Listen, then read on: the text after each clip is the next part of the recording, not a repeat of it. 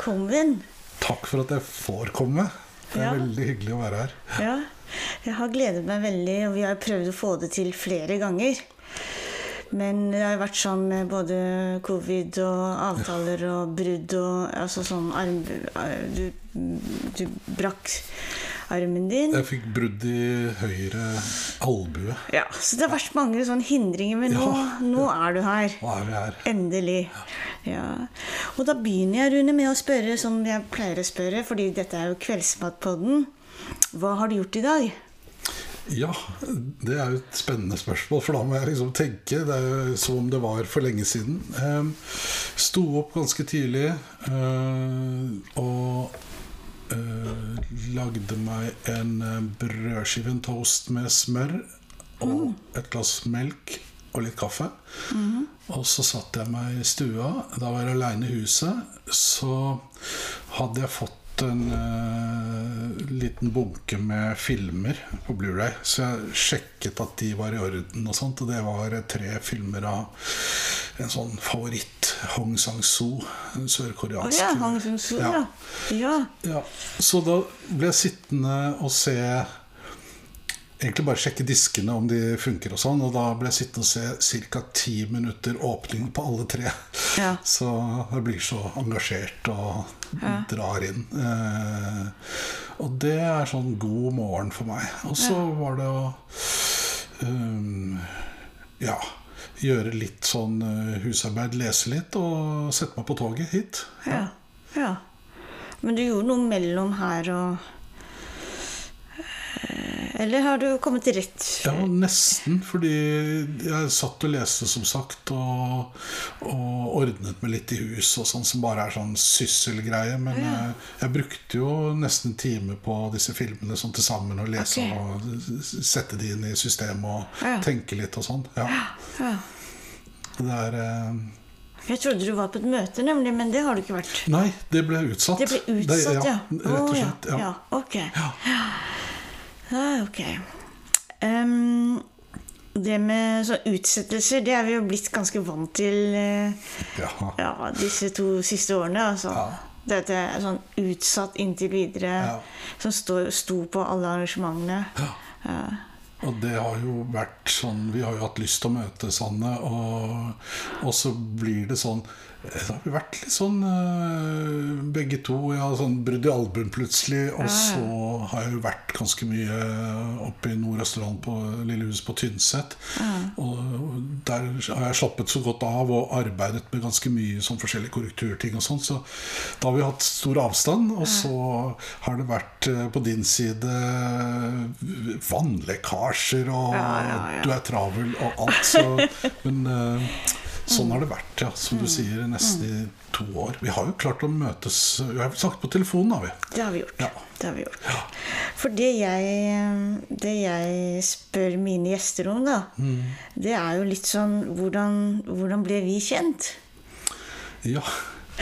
Det er jo en eh, nesten solskinnshistorie, kan man si. Det er en veldig eh, glede. Du, du møtte jo Mona, da, som jeg lever sammen med, eh, først. Og dere ble vel det var, på, var det på Lillehammer?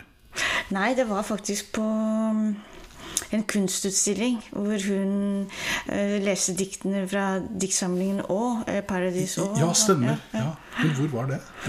Jo, det var et eller annet sånn bitte lite lokale på Grünerløkka. Ja, var, sånn var det. Det var her i byen. Ja. Ja. Og, og Mona eh, kom jo veldig sånn strålende hjem og fortalte om denne Anne som hun hadde møtt, og snakket veldig varmt om deg. Og jeg ble sånn Ja, men hm. Og det pågikk noen dager sånn at jeg tenkte åh, jeg vil gjerne møte Anne, jeg også. Og, sånt. og så gikk det vel litt tid, og så var det på Lillehammer. Ja. På litteraturfestivalen Stemmer skulle jeg lese, da presenterte Mona deg for meg. Ja, og, og vi snakket litt, og så Mm, så gikk det enda litt tid, og så var du ute og skulle spise lunsj ute med Mona. Så, så, På Vestfossen, på ja. Vestfossen, ja. Og så øh, Ja, så hekta jeg meg på den lunsjen jeg kom inn, og så ble vi sittende og prate lenge, og det var utrolig fint. Eh, og det var nesten sånn umiddelbart en eller annen sånn kontakt, følte jeg, som jeg ble både nysgjerrig på, og som jeg merka her er det noe veldig verdifullt. Ikke sant? Som det av og til er. Ikke så ofte, men av og til, heldigvis, så er det sånn, sånne møter som bare man blir nysgjerrig på den andre personen. Og det opparbeider Jeg følte, Nå snakker jeg for meg selv, men veldig raskt så, så bare hadde en sånn sympati for deg. En sånn glede ved å møte deg og, og prate med deg. Du var veldig direkte. husker jeg Du spurte meg om ting som var sånn Oi! Og så svarte jeg på ting jeg ellers kanskje ville sagt sånn Nei, det har jeg ikke så lyst til å snakke om. Sånn, så det, og det liker jeg veldig godt. da det, er sånn, Den der igangsettende De igangsettende spørsmål som åpner for en større samtale sånn umiddelbart. Mm.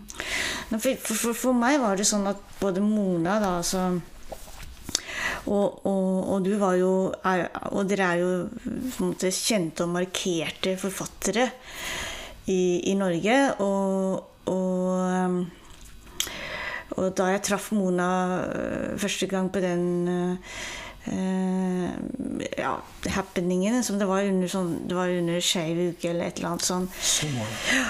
Eh, Så gjorde jeg noe jeg sjelden gjør. Jeg gikk frem og snakket med henne etterpå. Jeg er sånn, alltid sånn, syns det er rart med folk som gjør sånne ting. Men, men da gjorde jeg det, og det eh, For jeg, jeg opplevde liksom at eh, Ja, men denne denne måten å bruke språk og, og, og ord på var altså så bevegende og så annerledes enn jeg noen gang Jeg er ikke sånn, egentlig sånn veldig sånn diktglad i utgangspunktet, men da opplevde jeg noe som var sånn at jeg tenkte at nå jeg må bare si 'her er jeg', og så får vi se. Og, og, og da jeg liksom kom til Vestfossen og skulle besøke Mona, vi skulle på lunsj, og så ble det sånn at vi, jeg satt jo der altså fra tolv til fem ved det Ja. kjøkkenet. Ja. Det ble jo aldri noen lunsj på, på Vestfossen kunstlab i det hele Nei, tatt. nei, nei, det ble- For du kom, og dermed så satt vi der i, helt frem til fem. Og jeg har tenkt eh, mye på det møtet senere, Rune. Og det, er, jo- det handler liksom om dette med å få venner i voksen alder. Jeg vet ikke, Har du mye erfaring på det, eller hva tenker du om det å, å, å få venner? For jeg tenker jo vi har blitt veldig sånn gode venner, da. Ja, virkelig. øh, virkelig. Og um, hva skal jeg svare der? Uh, jeg, jeg har nok alltid på et eller annet vis hatt lett for å få venner fra, fra tidlig liv, altså fra barndom, ungdomstid og sånn. Men grunn av mye flytting i mitt liv, altså ganske store avstander? Fra, fra Bærum til øh, øh, Alvdal? Altså øh, på, på 70-tallet. øh, det var så store avstander at eh, jeg mistet jo på et eller annet vis eh, vennskapene. Jeg, jeg reiste så mye ofte jeg kunne ned igjen og overnattet hos kamerater og sånn, men eh, i ferier og alt sånt. Men, men jeg, jeg har nok helt fram til jeg ble voksen, har jeg nok på et eller annet vis forlatt vennskap. Eh, og noe av det har vært eh, helt naturlig og helt greit, men, noe av det har også vært, hatt en eller annen sånn sårhet i seg, ikke sant? Eh, men jeg jeg kan nok, sånn f.eks. i ditt tilfelle, at det ble et møte Vi er jo, vi må jo si det var i voksen alder. Så, ja, ja, så, så at eh, det Jeg tror jeg er sånn, hva skal vi kalle det, lydhør for for nye vennskap. Jeg er ikke på jakt etter Jeg leter ikke etter Jeg har nok venner eh, og nære venner. Men, men når det dukker opp noe som et møte som blir til det man kaller et vennskap, da, så, så er det av stor verdi for meg. Så jeg, jeg er veldig åpen for det, veldig årvåken da, når noe sånt skjer. Jeg prøver å ta vare på de møtene og, og ta vare på det som da veldig raskt blir et vennskap. Sånn som det ble, følte jeg både med deg og Mona og, og, og oss to. Og i det hele tatt så, så Ja, jeg har, jeg har nok møtt folk i voksen alder, ja. Mm. Men eh, men eh, det blir jo også Det har jo noe med liksom, å være på et forlag og ha et fellesskap, sånn, eh, være forfatter f.eks. Det, blir, det blir en del bekjentskaper, og det er jeg mindre interessert i. Nye bekjentskaper er ikke så spennende, syns jeg. Nei, det er akkurat den forskjellen der. Jeg tenker litt som Du er på forlag, jeg, jeg jobber jo med studenter, og, og, og, og det, blir, det blir veldig mange bekjentskaper. Og så er det sånn Hva Når vi Eller jeg er jo så nysgjerrig på sånne ting, da. Når, når er det liksom man går over fra bekjentskap til vennskap? Altså, det, det, det, sånn- det er jo sånne uklare soner. Men har du en sånn kan du formulere for deg selv eh, forskjellen på et godt bekjentskap, interessant bekjentskap og et, venn, et vennskap, eller er det sånn Jeg tror jeg, jeg tror jeg har noen bekjentskaper som, er, eh, som går på interesser. Altså, jeg har uh, liksom, kontakt med en, en kar i Canada som har vært uh, kurator for en sånn serie med filmutgivelser, f.eks. Ja. Uh, og, og da, det føler jeg er bekjentskap, og det har med avstand å gjøre òg. Men jeg må si sånn intuitivt, da, så er jeg, jeg er veldig Jeg merker ofte, da, ganske fort, at dette er en person jeg kan bli god venn med. Dette er et bekjentskap. Så jeg skiller nesten sånn intuitivt på det veldig, veldig raskt. Eh, og det kan man selvfølgelig for å si litt dramatisk brenne seg på. Det som, det som man tror er vennskap. Men den tiden er nok litt over for meg. Den der, eh, En forfatterkollega som sier skal vi, ta, 'skal vi ta en kaffe?' og sånn. Og så, og så møtes man litt for ofte, så merker man det er jo egentlig ikke, ikke noe fellesskap her. Det er jo ingenting her. Eh, så hvorfor eh, møtes og sludre? Eh, fordi det, det er akkurat sånn, jeg vet ikke, tiden blir mer kostbar også. Så nettopp at tiden med venner er jo også dessverre litt begrenset, fordi man er travle på hver sin kant. og sånn, så eh, Noen av mine aller beste venner vi, ja, Du vet, vi, vi møtes jo for sjelden, føler jeg da. ikke sant? Men, men i og med at det er vennskap, i og med at det er den type nærhet, uh, velvilje uh, Det å ville hverandre vel på et sånn vennskapelig, nært nivå, det gjør at man veldig raskt kan hente inn kontakten. Ikke sant? Man trenger bare møte, så er man i gang igjen. Eh, og, og bekjentskaper er noe, som jeg sa, eh, det Det syns jeg av og til høres litt kynisk ut, da, men det syns jeg av og til kan være bare litt sånn, litt sånn tidkrevende. Så det Ja. dyrker jeg jo ikke. Det passer Nei. jeg ikke så godt Nei. på, da. Nei. Og, og det er jo det som er sånn øh, Som jeg tenker med å bli godt voksen, er jo at den tiden hvor jeg prøver å sanke poeng med bekjentskaper eller kjente bekjentskaper, den, den er ikke interessant. Den, den tiden, da. Jeg, jeg tenker på litt på vennskap sånn Jeg husker at øh, Gøran Tunstrøm en gang ble spurt i et radiointervju hva var liksom det fineste han visste, og det var jo i relasjon med folk med den uavbrutte samtalen. Du kan når som helst hente den opp. Og det er jo noe av det jeg tenker på som kvaliteten.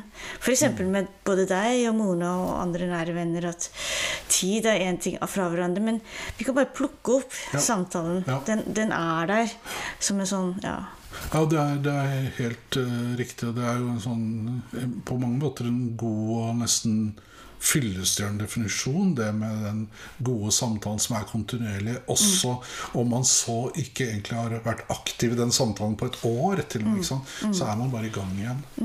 Og, og sånn, sånne typer eh, vennskap har jeg også hatt med, med eh, noen kollegaer i, i Sverige fra jeg var ganske ung. også, og, og det, var, eh, det var jo forfattere som var eh, 20-25 år eldre enn meg, da, som jeg hadde lest, og som jeg sendte bok til, og så begynte vi å brevveksle og sånt. Så, så, og det har også vært sånn eh, skjæringspunktet mellom vennskap, den derre En sånn type inderlig kommunikasjon, en, en velvillig kommunikasjon.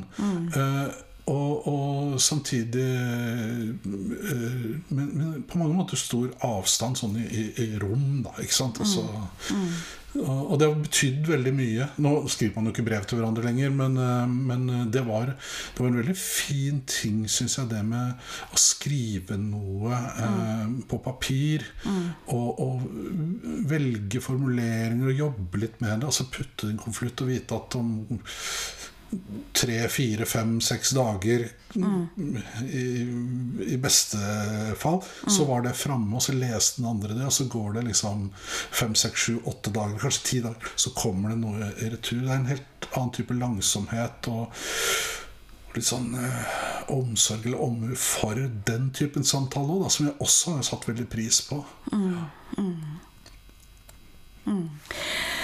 Og så er det sånn nå at eh, jeg, jeg leste jo noen av dine bøker før jeg traff deg. Og det, det, det kvelds, denne Kveldsmatpodden er jo ikke en sånn tradisjonell forfattersamtale, men det er jo veldig mange ting rundt ditt forfatterskap jeg har lyst til å snakke om. Eh, mitt forfatterskap er jo veldig Ja. kort, så det, vi trenger ikke snakke så mye om det. Men jeg tenker litt sånn at det, det er jo uh, det å skille forfatteren og personen i ditt tilfelle er vel litt vanskelig, kanskje? Eller hva tenker du om det? Ja, jeg, sant, øh, jeg begynte å skrive relativt tidlig, og debuterte jo veldig tidlig. Altså, den første boken jeg skrev, da var jeg 22 år. Og så kom den ut øh, den våren jeg fylte 23. Så det er så innvevd i hele min, mitt liv. Altså det er liksom Livsveven min er å skrive. Å, mm. lese og skrive skape litteratur. Det er, det er like viktig som alle de andre helt nødvendige tingene.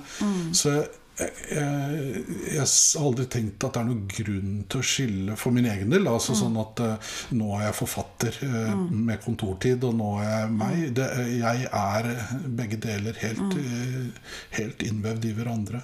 Men jeg, eh, det, er, det er ikke noe sånn mytologisering av det. Det, bare, det er livet mitt. Jeg, jeg skriver.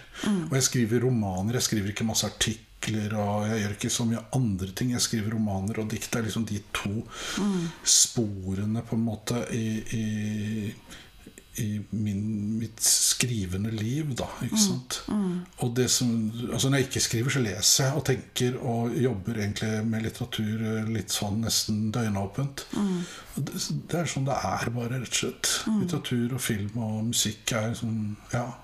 Det, det er alltid til stede. Eh, Så Nei, du behøver ikke å skille på det Nei, og det liksom, hvis vi kunne snakke litt gjennom eh, eh, eh, Det som jeg tenker da, som, som på en måte jeg er nysgjerrig på fra mitt, mitt, mitt ståsted, er jo eh, helt, helt det naive spørsmålet Hva gjør at du skriver?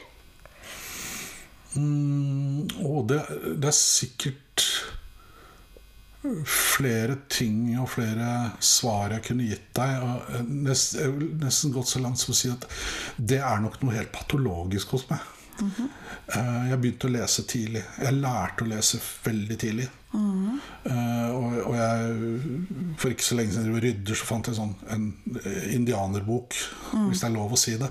Ja, så, så står det i den eh, med store bokstaver Rune seks og et halvt år, og så har jeg en bok hvor det står Rune fem og et halvt år. Oi. Og da er det to ting det liksom fortalte meg i ettertid. og Det er sånn Jeg var opptatt denne boken er min. Ja. Litteratur betyr noe. Det er noe jeg tar vare på, setter i hylla. Men jeg lærte å lese tidlig, sånn passert så vidt fem år. Så, så, så kunne jeg lese. Og da var hvis, altså bøker, ting altså En bok med tekst i, nesten uansett hva det var. Det var fascinerende at jeg kunne lese som sto på trykk der. Så moren min den tiden var det dørselgere. Så var det en dørselger som solgte sånn Dickens samlede. Og hun eh, var sånn, hun klarte ikke å si nei, så hun bare kjøpte Dickens samlede på sikkert avbetaling eller noe sånt. Og, og de bøkene sto i hylla. De står fortsatt eh, i hylla. De, eh, og det var jo sånn David Copperfield 900 sider, ikke sant. Og, og jeg begynte å lese David Copperfield da var jeg kanskje syv år.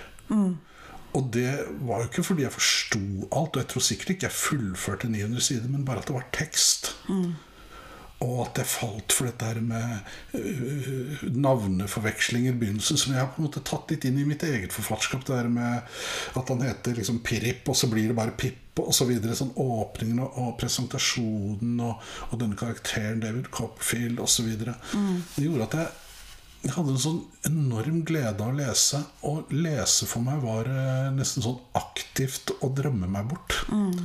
Se for meg skape egne universer mm. som sprang ut av forfatterens styring. Men, eh, men eh, det var jeg som på et eller annet vis så for meg hvordan f.eks. David Copperfield så ut, hvordan gatene så ut, osv. Så, videre, og så, så det å skrive for meg ble bare en slags forlengelse, mange år senere selvfølgelig, da. Ja. Så ble det en sånn forlengelse av det å lese. At, jeg, at det ble sånn hva, Hvilke historier har jeg? Hvilke, hvilke karakterer, personligheter, landskaper er det, er det som bor i meg hvis jeg skaper litteratur? Og det drev meg inn i skrivingen. Mm. Og så det ble nødvendig av mange grunner, eh, men også det at jeg hadde så ekstremt glede av språk. Og, og, og det å eh, skape mine egne bilder. Jeg har alltid vært veldig opptatt av film, men jeg har aldri hatt så veldig lyst til å lage film. Jeg har ikke, jeg har ikke tatt filmskoler og sånne ting, men, men det er det å Det har liksom vært litteratur som er min ting. Ja. Um, um, Men, men bare for å spørre sånn, var det sånn mye eh, litteratur hjemme hos dere, eller var det mer en ensom greie som du hadde? altså, moren min leste mye. Ja. Og, og hun hadde også tatt vare på gamle barnebøker som hun hadde. Eh, Det var eh, eh, litt Frøken Detektiv, og så var det eh, noen bøker som het Vicky-bøkene. Ja. Og det tror jeg var en sykepleier. Ja. Og så var det Sherry-bøkene, som jeg tror var flyvertinne. Gjett Ok. om det var sånn. Ja. sånn. Men jeg, jeg leste jo heller disse såkalte jentebøkene enn f.eks. Hardy-guttene. Jeg syns Frøken Detektiv var mye bedre enn Hardy-guttene. Sånn skrevet og fortalt og sånn. Så, og så leste hun jo alltid vært et lesende menneske, da. Faren min eh, leste mm, stort sett eh, Alice MacLean-bøker, som jeg også leste, syntes var kjempespennende. og alt sånt. Men det var ikke noe det var ikke noe lesende hjem. Vi hadde ikke mange bøker i hylla. Nei. Eh, Det var liksom Bibelen, Nytestamentet og Dickens. Og så var det mine egne eh, tegneserier og, og etter hvert da bøker om hjortefot og, Ja. og noen sånne pocket, sånne western cowboybøker som en eh, som en kar i, i blokka der jeg bodde på Øståstoppen eh, eh, ga til oss gutta når han hadde lest de da. Så da fordelte vi liksom disse pocket cowboybøkene. Ja. Men, eh, men tegne, tegneserier var viktig for meg, særlig de der franske-belgiske tegneseriene, som Tintin og eh, noen westernserier, Allan Falk. Det var liksom sånne, De var enormt viktige for meg, det også. Mm. for det er jo noe sånn Jeg tenker sånn noe med eh, Kanskje er det sånn at de bøkene du leste allerede fra fem-seks år og utover, sånn, det var en måte å utvide verden på, var det det? Nettopp det. Og det jeg kaller å drømme meg bort. Ja. Ikke, ikke, ikke vekk fra eh, et dårlig liv eller noe sånt. Altså, Men, men ja, som du sier, utvide verden. Se andre perspektiver som ikke ikke tilhørte den gata jeg bodde i, og, og Blokka og Østlandstoppen liksom, og Eiksmark og sånn, men som var, eh, som var nettopp sånn altså Jules Verne, ikke sant? verdensseiling under havet, eller ned i en eh, vulkan, og så var det, så var det tidligere tider, ikke sant? Altså sånn Ville Vesten, som vi kalte det, osv. Mm. Og, og etter hvert som jeg ble litt eldre, så passerte i hvert fall kanskje 15-16-17 år, da, sånn sent i tenårene, så ble jeg veldig opptatt av, eh, av den klassiske kriminallitteraturen. Mm -hmm. uh, og nest, bortsett fra Sherlock Holmes og et par til, så var det uh, Jeg la liksom tidlig merke til at veldig mange av de kriminalbøkene jeg leste, da, som var fra 20-, 30-, 40-tallet, mm. var skrevet av kvinner. Mm. Og de, da ble jeg også litt sånn opptatt av biografiene. Altså, hva, hva, er det som gjør at, disse, at, det er så mange kvinner som står så ekstremt sterkt mm. i kriminallitteraturen? Mm. Uh, nå er jeg litt sånn konservativ. Jeg, er ikke glad i moderne krim. Jeg syns det er blitt bare thriller med noen seriemordere og bestialske drap. Og, og, ganske sånn rutinemessig. Mm. Litt amatørmessig skrevet òg. Mm. Unnskyld at jeg sier dette høyt, men uh, sånn er det. Mm. Men, uh, men, dette var jo høyt, gjerne høyt utdannede kvinner med akademisk bakgrunn som hadde også slåss seg gjennom en slags sånn gjennom akademia da, for å mm. liksom bli godkjente der. Mm. Um, så jeg ble jo opptatt av å lese disse kvinnenes litteratur og, og, og prøve å på en måte eske ut litt sånn hva, Ikke bare hvem som var morderen, eller mm. om det var et drap i bøkene, men, men også sånn hvem, Hva springer dette ut av? Som du spør meg, hva springer det ut av at mm. disse akademisk skolerte kvinnene skrev mm kriminallitteratur eh, på veldig høyt nivå. Da, altså mm. litterært nivå. Mm. Så det har vært en sånn spennende ting som, som, jeg fortsatt er opptatt av. Mm. Ja, fordi eh, Sånn som jeg har lært deg å kjenne, da, eh, så tenker jeg at du, du har en sånn utsøkt smak, hvis jeg kan bruke et sånt uttrykk. Altså, du, ja, men du, du er veldig kresen. Eller kan jeg si det sånn? Altså, du er sånn stilbevisst, da. Fordi jeg opplever at du Det som jeg lurer på, er Jeg opplever at du har så veldig tydelige meninger om hva som er godt, og hva som ikke er godt. Ja, det har jeg nok. Hva, hva heter det på engelsk? Opinionated. Jeg er nok ja. det, men, men jeg, jeg, er jo veldig klar over at det er veldig subjektivt. Ja. og, og jeg er også veldig klar over at det, det fins veldig bra ting, bra mm. bøker og sånn, som jeg ikke bryr meg om. Ja, jeg opplever at du er eh, veldig, Så, veldig, Jeg opplever ikke at du er uh, på noen måte sær, eller, eller, sånn, men jeg opplever at du, du er så bevisst en eller annen sånn uh, fin, finesse. Altså, jeg opplever at du har en lydhørhet for kvalitet. Man, hvis man brukte musikken, da, så ville man si gehør. Mm. Uh, og når jeg hører deg snakke om, om litteratur, så opplever jeg liksom at du har litt, sånn litt gehør. Det er en sånn stemthet. Du har en eller annen, i hvert fall en fornemmelse. Mm. Ja, men det, det, tror jeg er riktig. Og så kan man eh, ta det litt ned, det gehøret. fordi er, jeg, jeg, klarte aldri å gå inn i en sånn akademisk uh, bane. Nei. Så ja, jeg har vært avhengig av gehør for å finne fram til mitt eget. Jeg har, sant, jeg har lest mye, og, og, jeg leser jo bredt, så når du sier god smak, så er det nok Jeg, håper å si, jeg kan nesten diskutere det med både deg og meg selv, fordi jeg, jeg er jo også litt sånn alt Jeg kan sluke hva som helst. Jeg kan se, jeg kan se for eksempel jeg kan se ganske sånn middelmådig gode filmer og ha det bra med det. Altså. Ja. Uh, men jeg, jeg, har vanskelighet til å lese en dårlig bok. Mm. Mm. For det tar tid. Men en film tar halvannen til to mm. timer. Mm. Og, og, um, og, det å la meg på et eller annet vis skal kalle det underholde, er også en sånn viktig del av, uh, av min Særlig, særlig det med, når det gjelder film og vidt mm. TV-serier og sånn. Mm. Så jeg er, er ganske sånn Jeg er åpen, men jeg må skille allikevel. Jeg må liksom legge noe vekk. Ja. Um, men, men, jeg fascineres av fenomenet, for det, det, det, er jo et av de evige spørsmålene. Hva er kvalitet? Ikke sant? Mm. Smak, mm. Eh, kunst, mm. Uh, musikk eh, og tekst. Mm. Eh, jeg er bare sånn nysgjerrig på fenomenet. Altså mm. På en eller annen måte hvordan, hvordan, hvordan på en måte Fordi jeg selv har en fornemmelse av hva jeg opplever som kvalitet. da. Jeg er veldig glad i å underholdes av middelmådige både bøker og film og alt mulig. jeg. Men, men, men jeg, jeg syns jeg gjenkjenner noe når jeg leser en, en bok. Da tenker jeg wow, her er det noe annet. Ja, det, det er riktig. Og musikk også. Ja, og musikk også. Og det, det har jo med det du sier, da, som jeg, eh, eh, som jeg tenker er eh, stemmer, og som jeg gjenkjenner, og som jeg eh, godt kan anerkjenne hos meg selv, det er at jeg har, jeg har et godt utviklet nesten absolutt gehør.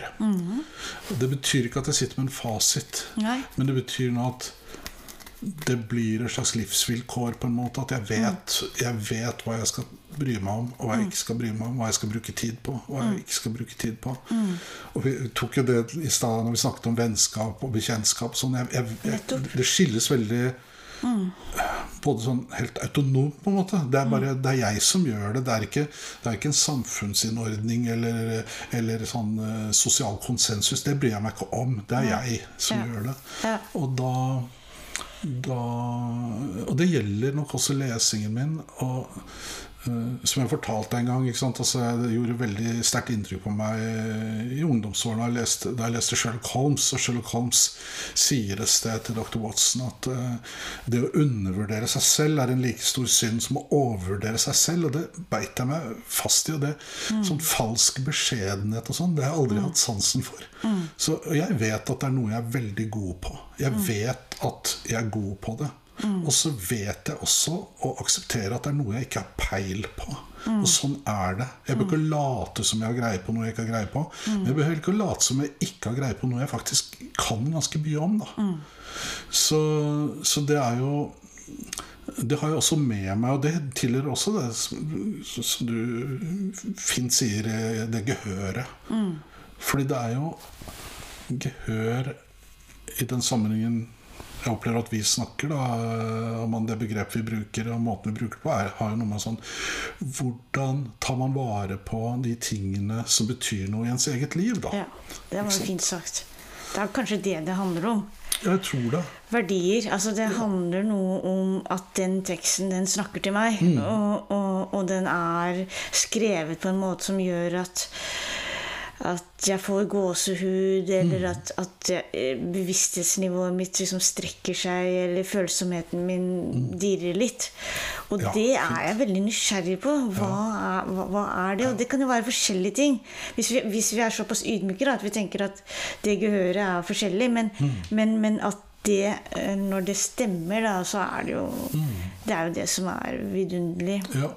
ved både å skrive og lese og lytte.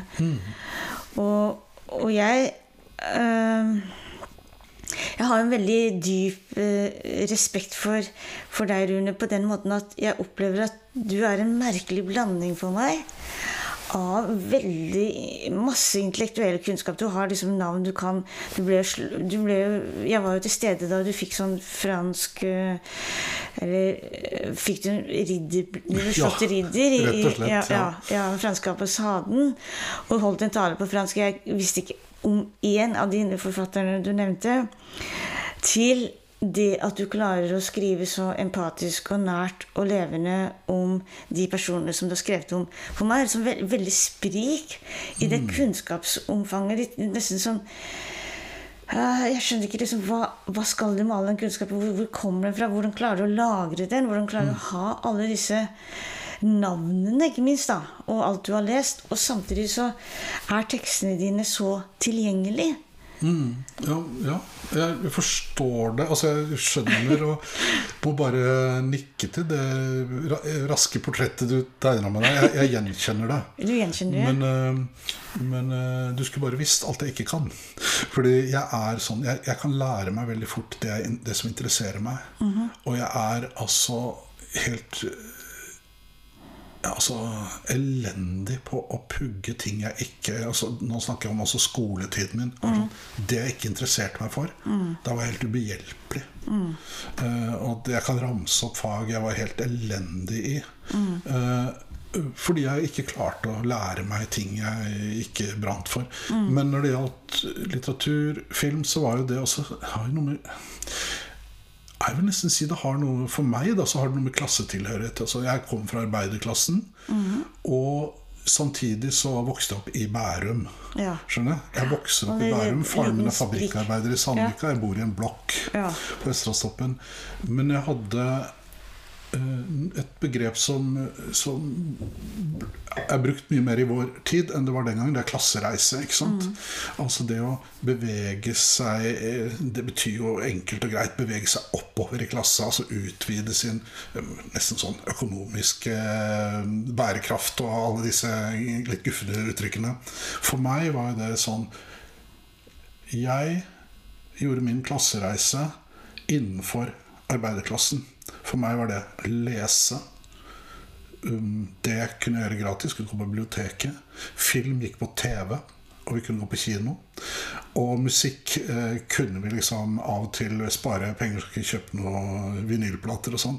Så det var liksom For meg var det sånn Det, det var det jeg kunne eh, få tak i av kultur. Ikke for at jeg skulle nettopp gjøre karriere, eller noe sånt, men jeg ville fylle bevisstheten om både klassetilhørighet klassetilhørighet og det å utvide det rommet som man ofte legger i sånn arbeiderklassen. Mm. Det var viktig for meg. Og etter hvert så var det også sånn eh, Sånn som vi gjør når vi tar opp noe, vi tar opp at vi snakker, så var det sånn at jeg, jeg begynte å ta opp radioteater på kassett. Så jeg har eh, flere skuffer fulle av kassetter med gammelt radioteater.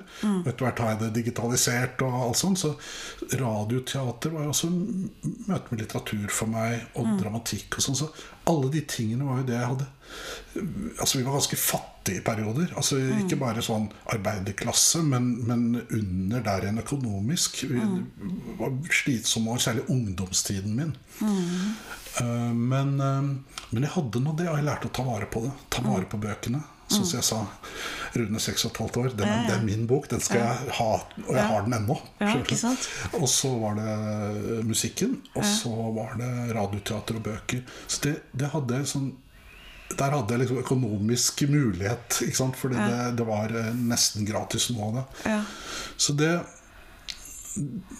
Det ble jo min det ble jo mitt kunnskapstilfang. Det kan jeg mye om. Jeg kan masse om eh, eh, film og dramatikk, radioteater, eh, dramatikere og, og litteratur. Men Ja. hvis du spør meg om ting sånn som jeg ikke kan om, så kan jeg virkelig ingenting om Nei, det. nei. Men du, men du kan jo da f.eks. masse om koreansk film.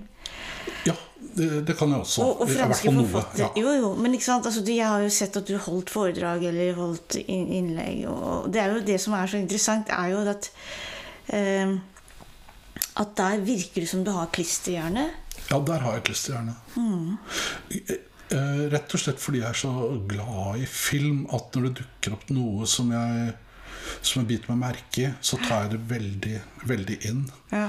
Eh, og film er nok kanskje det feltet, altså filmhistorien og alt sånt, er nok det feltet jeg kanskje har bredest og dypest kunnskap om. Kanskje mer enn litteratur òg, tror jeg. Eller kanskje likt. Men jeg, ja.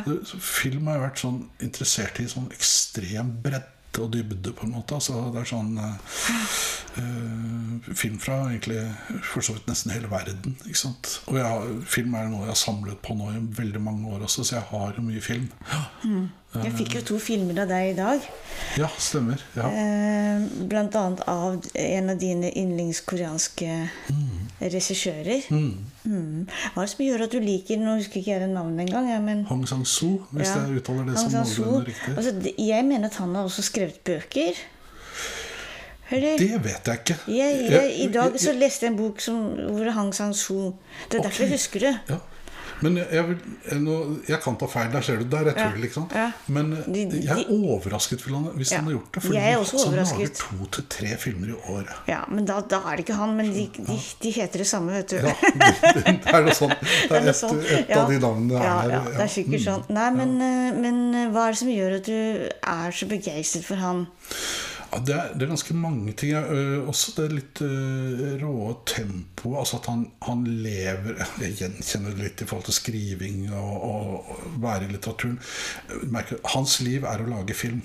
Mm. Så han lager film hele tiden. Mm. Han gjør noen forflytninger. Han har lagd noen filmer i Europa. Mm. Uh, og så veldig mye i Seoul og Sør-Korea. Og filmene hans kan minne litt om hverandre. Det er uh, veldig ofte kvinnelige såkalt protagonister mm. ikke sant? Altså um, hovedrolleinnehavere som, som, um, som også, de, de, snakker og drikker og tar noen valg, og det er til dels superrealistiske filmer. Virkelig sånn ganske rått opptak. Han mm. gjør noen sånne ting nesten for å minne oss om at det er film. Så driver han med en sånn gammel måte å gjøre det på. Sånn plutselig inzoominger og mm. nesten sånn unødvendig sveiping med kamera. Sånn, som veldig få moderne filmskapere driver med. Mm. Og han er ganske sånn uh, rå i måten å lage filmer på. Men så er det det som fascinerer meg, er de der fantastiske bruddene med realismen. Mm.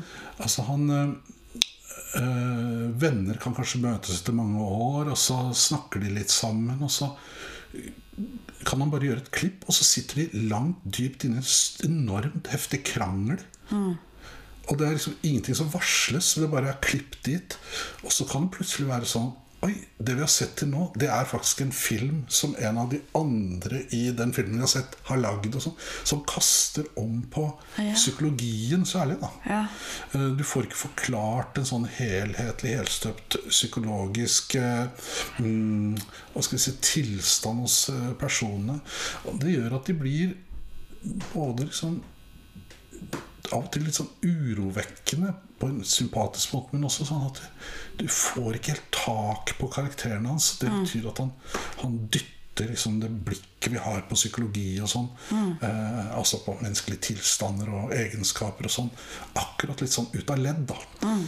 Og det, det, gjør han i nesten alle filmene sine. Mm. Eh, men eh, han er vittig og alvorlig og utrolig vakker vakker og samtidig helt sånn upolert eh, om hverandre. Det har jeg stor sans for. Ja. ja. Nei, det, det er um, Det er jo noe av det Jeg syns det lille jeg har sett av koreansk film Jeg er veldig opptatt av blitt selvfølgelig uh, av koreansk film og koreansk litteratur. Og jeg, det er jo noe med de mannlige filmskaperne som har han Shang Dang-Lu Li Vet du hvem han er? Ja, ja, ja. Som, som blant annet har laget uh, Poetry, og har mm. laget også Oasis. Altså, Mother tror jeg også er han. Mm? Mother tror jeg også Mother er også han, og Peppermint ja. Candy. Ja. Det tror jeg også er han. Også, det der, jeg har sett mye av hans filmer fordi jeg blir så overrasket eh, eller overveldet også over for en enorm empatisk innlevelse mm. og en råskap. Ja. Altså en sånn helt fristilt altså Skulle mm. tro det var en psykopat mm. som viser frem dette her. Og en empati på samme tid. Jeg, mm. Det er nesten uforklarlig for meg. da mm. ja, det, ja, jeg skjønner den. Ja. Mm. Den blandingen, altså det å sette opp sånne råe, de mest råe scenene, og så er det en sånn in, empatisk, vakker innlevelse. Mm. Eh, så jeg, jeg, jeg, håper jo vi skal se litt sånn koransk film sammen og snakke litt sammen. Og vi har jo én film som ligger og venter på oss ja. noen dager i mai, er det det? Ja. Uh, Milou i mai tror jeg også Det er, sånn, ja, det er uh, Louis Mahl sin film. Louis Malle sin film, ja. For det var den jeg så hos deg. Den sto i hylla mi, ja. Den sto i hylla den, den gangen jeg besøkte deg. Mm. Mona, så sa jeg What? Har, liksom, Fins den på DVD? For den, den har jeg så lyst til å se om igjen. da Den mm. gjorde så sterkt inntrykk på meg. Og det kan hende at den, det er sånn med film, den gjør sterkt inntrykk i i den situasjonen du er i, så kan det hende at det ikke gjør noe inntrykk. Jeg tror jeg kan garantere at den holder. Jeg har sett den to ganger eh, med stor avstand, også da den kom, og, mm. og på nytt igjen. Og, og det er en fantastisk film. Eh, ja. Og Louis Malle er jo også en sånn filmregissør som på mange måter er litt undervurdert. Fordi han, eh, han var liksom ikke helt en av de kule gutta i den nye bølgen. Men han var faktisk med på å finansiere den, for han var så tidlig ute. Og var en sjenerøs eh, kar. Men han eh, Ja, vi har jo begge sånn bilde hvor han krepser. Ja. Og, og putter hendene ned og har øh, løfter de opp, så er det kreps i hver Så er det kreps i fingrene. Ja. ja, men det er en veldig veldig fin, fin film. Ja. Utrolig fin sånn eh, kollektivfilm, altså ensemblefilm. Mm. Ja, Veldig er flotte det. skuespillere hele veien. Og, Ja, fantastisk. Så er det sånn da at du har jo Jeg har lyst til å begynne med eh, å spørre deg eh, litt sånn eh, rundt ditt eget forfatterskap, da. Mhm. Eh, den første boken jeg leste av deg, var jo 'Fravær av musikken'. ja. Og så leste jeg den, øh, den blomsten. Hva heter den? Krysantemum, ja. ja. Ja, og så leste jeg jo Lydia. Ehm, og så Det er de tre jeg har lest uh, sånn ordentlig. De, Leste du de før, du, før vi møttes? Før jeg, før vi ikke Lydia, men de- Nei, Lydia heter. Ja. den, men de andre to leste jeg jo før fordi um, Jeg fikk de faktisk tilsendt før vi hadde møtt hverandre. Mm. Eh, sånn julegave, hvor du hadde lagt på en julegave, og så Mona hadde sendt en julegave. ja, sånn var det. Eh, sånn at det var jo De ble dytta på deg, rett og slett. Ja, ja, ja, de kom i posten og sånn. Men det var jo mitt møte med deg. Jeg hadde jo bare hørt om deg. Hadde hørt øh, sånn, men og, og jeg ble jo veldig sånn slått av poesien Mm. i, i, de, i de, de to første bøkene. Altså, Lydia, da hadde jeg jo møtt deg, så da hadde jeg liksom en annen Da leste jeg på en annen måte. Og det er jo også spørsmål Leser man venners eh, bøker på en annen måte når man kjenner de? Det vet jeg ikke. Men, eh, men jeg tror jeg gjorde det. Jeg tror jeg leste de to første bøkene mye friere. Eh, mens jeg da jeg leste Lydia, var mye mer sånn opptatt av ja, hva vil Rune med det, og tenk Ja. at Rune ser det, Ja, og tenk at Rune legger merke til den gardinen, og altså blir sånn opptatt av din psykolo indre psykologi, da. Men eh, jeg blir jo veldig nysgjerrig på de Særlig krysantemum, Denne personen og, og sånn liksom Jeg tenker ofte på henne. Eh, eh, for det er sånn Er hun en heltinne? Er hun ensom? Er hun utafor? Er hun mislykket? Altså, jeg forstår henne ikke ordentlig. Husker du litt hva du tenkte da du skrev den boken? Hva du var opptatt av? Ja, eh, og jeg må si altså Agnes, som hun heter da Ja. Hun Jeg tror Det er første boken jeg skrev med kvinnelig hovedperson. Ja. Og jeg tror det var for å øh, For å nærme meg noe i meg selv på en øh, litt annen måte enn jeg hadde gjort før. Og da måtte jeg ha også større avstand. Så da jeg, jeg, begynte, jeg tror jeg begynte å skrive den boka også med at det var en mannlig hovedperson. Og så etter tre-fire sider så så jeg at dette, jo, dette går ikke. Og da var det sånn Vet du hva, jeg skriver er en kvinnelig hovedperson. Skal prøve det. Og det det var veldig forløsende. Og jeg, siden det så har jeg jo skrevet fire bøker. De fire siste romanene er jo med kvinnelige hovedpersoner. Det er jo en person jeg har stor sansen for. Ja. Det er eh, en sånn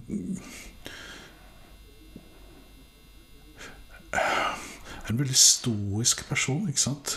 Ja, hun er alene.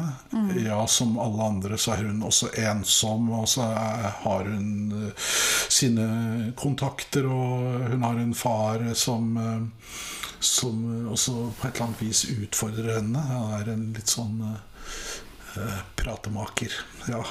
Men, eh, men hun hun har organisert livet sitt ut fra en slags sånn alenetilværelse. Hun, hun skriver på avhandling, hun studerer litteratur, og hun bor i Basel. Mm. Det er liksom ikke Berlin eller Paris, det er Basel i Sveits. Og, og jeg bestemte meg for egentlig å skrive fram en person jeg ikke visste noe annet enn om enn det jeg selv kunne relatere til. Altså Jeg prøvde å finne ting i meg selv som kunne bli til denne kvinneskikkelsen. um, og så helt også nesten sånn spontant eller sånn i skriving Jeg visste at sånn er det fortsatt. Jeg vet aldri hvor jeg skal. Jeg, kom, jeg ser for meg en scene. Jeg ser for meg en eller annen bevegelse. En, noe som har med en eller annen type atmosfære på et vis. Eh, nesten sånn filmatisk, altså sånn visuelt. Dette er et konkret sted og sånn. Men uh, f.eks. at hun møter en eh, ung kvinne, eh, kanskje ti år yngre Agnes er vel sånn i midten av 30-årene. Så møter hun en ung kvinne på en flyplass. Som uh, Om bord på flyet så er den unge, unge kvinnen helt livredd. Hun sitter og holder seg i setet, svetter. er Helt sånn virkelig angstanfall. Og når flyet endelig lander uh, i Sveits, og de går på flyplassen, så er denne kvinnen plutselig sånn litt cocky og litt sånn kul, og alt er liksom greit. Og hun uh, deler en taxi med den unge kvinnen. Og, så, og det visste jeg heller ikke skulle skje i romanen. Så oppstår det et eller annet kjærlighetsforhold. Altså en tiltrekning. Som også har den dynamikken i seg at uh, Agnes etter hvert føler at denne kvinnen liksom inntar eh, leiligheten. Hun åpner kjøleskapet, det er sånn kokosyoghurt og den tannbørsten. Så hun føler også at nå må jeg ha avstand til denne personen. Og når denne personen glir litt ut av livet, så blir hun helt desperat etter å finne henne igjen. Så denne ambivalensen i forhold til å leve sitt eget liv selvstendig, ha full kontroll på hvor, hva som befinner seg i kjøleskapet, og hvor tingene er, og samtidig en lengsel etter å nettopp dele dette, denne risikosonen. Ja. Å dele en annens smak og behag og eh, klær og Og klesvask og ja, og- rutiner og alt det der. Akkurat det skjæringspunktet er det jeg eh, på en måte eh, beveger meg mot i en av de buene. En av alle de buene som går gjennom den romanen. Og den eh, Jeg skrev eh, veldig tidlig også sluttscenen i romanen, så jeg visste hvor det skulle ende. Og det er altså sjelden jeg gjør. Og det er sånt rart eh, For meg var det utrolig tilfredsstillende å skrive det fram. Det er sånn rart kvinnefellesskap etter en storm på Vestlandet. Så er det våkner den ene om natten og går ned, og der sitter en annen. Så midt på natten så samles det fire kvinner da, som samles eh, etter denne stormen på kysten. På, og så sitter de der, og så er det på en måte bare sånn for meg, jeg tror jeg nevner noe lignende som at det er et sånt litt kuriøst familieportrett. De er ikke slekt, som sånn, men de har en slags vennskapelig kontakt. De har den der sympatien for hverandre. og Den, uh, som ikke er en sånn sone hvor det er problemfritt, eller noe sånt, men de, der er de, liksom. Der stopper boken i en sånn, sånn åpenhet. Oh, ja. Så den bevegelsen der, da, fra den alenelivet til et sånn, en sånn type genuint fellesskap. Ikke organisert, ikke gjennom at man er medlem av en klubb, eller noe sånt, men bare at vi har havnet sammen. Ja. Det av sympatier og linker og tilfeldigheter og alt det der. Det, mm. syns jeg var fascinerende å, å, å jobbe med. Samtidig som romanen gjør veldig mye annet også. Den snakker om religiøsitet og, og en sånn valgt Jeg tror Agnes kaller det et eller annet sånn katolsk sinnelag. Og det gjør hun helt fri, fristilt fra det katolske fra katolske kirken og sånn. Det er bare en eller annen slags eh, Litt som man kan bli fascinert av ikoner, ikke sant. Du kan være katolikk for å bli fascinert av dem. Bare, det bare er noe. Men, men når jeg hører på deg, da, Ja. når du snakker nå, Rune, så er det sånn Ok, hva var det som nå var likt med deg? Hvis du skjønner? Altså sånn, fordi her er det jo veldig mye som tilsynelatende er eh, annerledes. Ja, og det er det. Men eh, jeg tror den delen av meg som som nettopp det spennet i meg, der, eh, at jeg, jeg trives veldig godt i eget selskap. Jeg liker veldig godt å være aleine. Men det å døyve ensomheten er også viktig for meg. Og det, jeg, jeg er veldig glad i de fellesskapene som jeg også står i, og, Mm. og samliv og, og vennskap og sånn som vi begynte samtalen med. Så, så det spennet der, Mm. eh, det utvikler jeg på en litt annen måte, men eh, det er, det er, eh, det er egentlig bare forskyvinger. Mm. Jeg, kan, jeg kan stå for alle tingene. Jeg har bare funnet eh, gyldige bilder som ikke er meg, som ikke er Ikke selvbiografiske. Ja. Og Forkledninger. eller? Ja, på en måte. Rett og slett. Altså. Ja. Sånn at jeg kan se det utenfra. Jeg kan vurdere det. Ja, det er veldig fascinerende det du sier der. Altså, fordi, Ja, det, ja. fordi det er jo akkurat sånn jeg tenker at ensomhet og tilhørighet og den balingen, ikke sant Mm. Eh, jeg, ser, jeg ser Agnes for meg røyker og, Mm. og holder på, er liksom ehm, Men at, at noe av det jeg tenker på i den eh, Når du snakker nå, da Dette spennet også ikke sant, mellom ensomhet og tilhørighet, men også spennet mellom valg og tilfeldighet. Ja. Det er et veldig spenn der i den Ja. romanen om valg og tilfeldigheter. Eller? Helt, helt enig. Og, Men også i livet. ikke sant? Vi snakket Ja. om dette gehøret og, Ja. og sånn også at uh, vennskap oppstår jo et sted. Du Ja. stilte meg et spørsmål som hvor, hvor, hvor begynte det?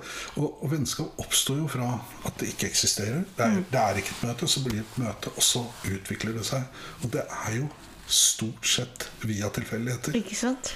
Ikke sant? Og det, og, og det Og så er det valg, da, som Og så er det valgene. Ja. Og de valgene man gjør, Ja. det tror jeg er eh, noe jeg er sånn evig opptatt av. Eh, De gode og dårlige valgene man gjør. Ja. Og, og de valgene det er altså En annen sånn favorittfilmskaper, da, Erik Romer, den franske filmskaperen.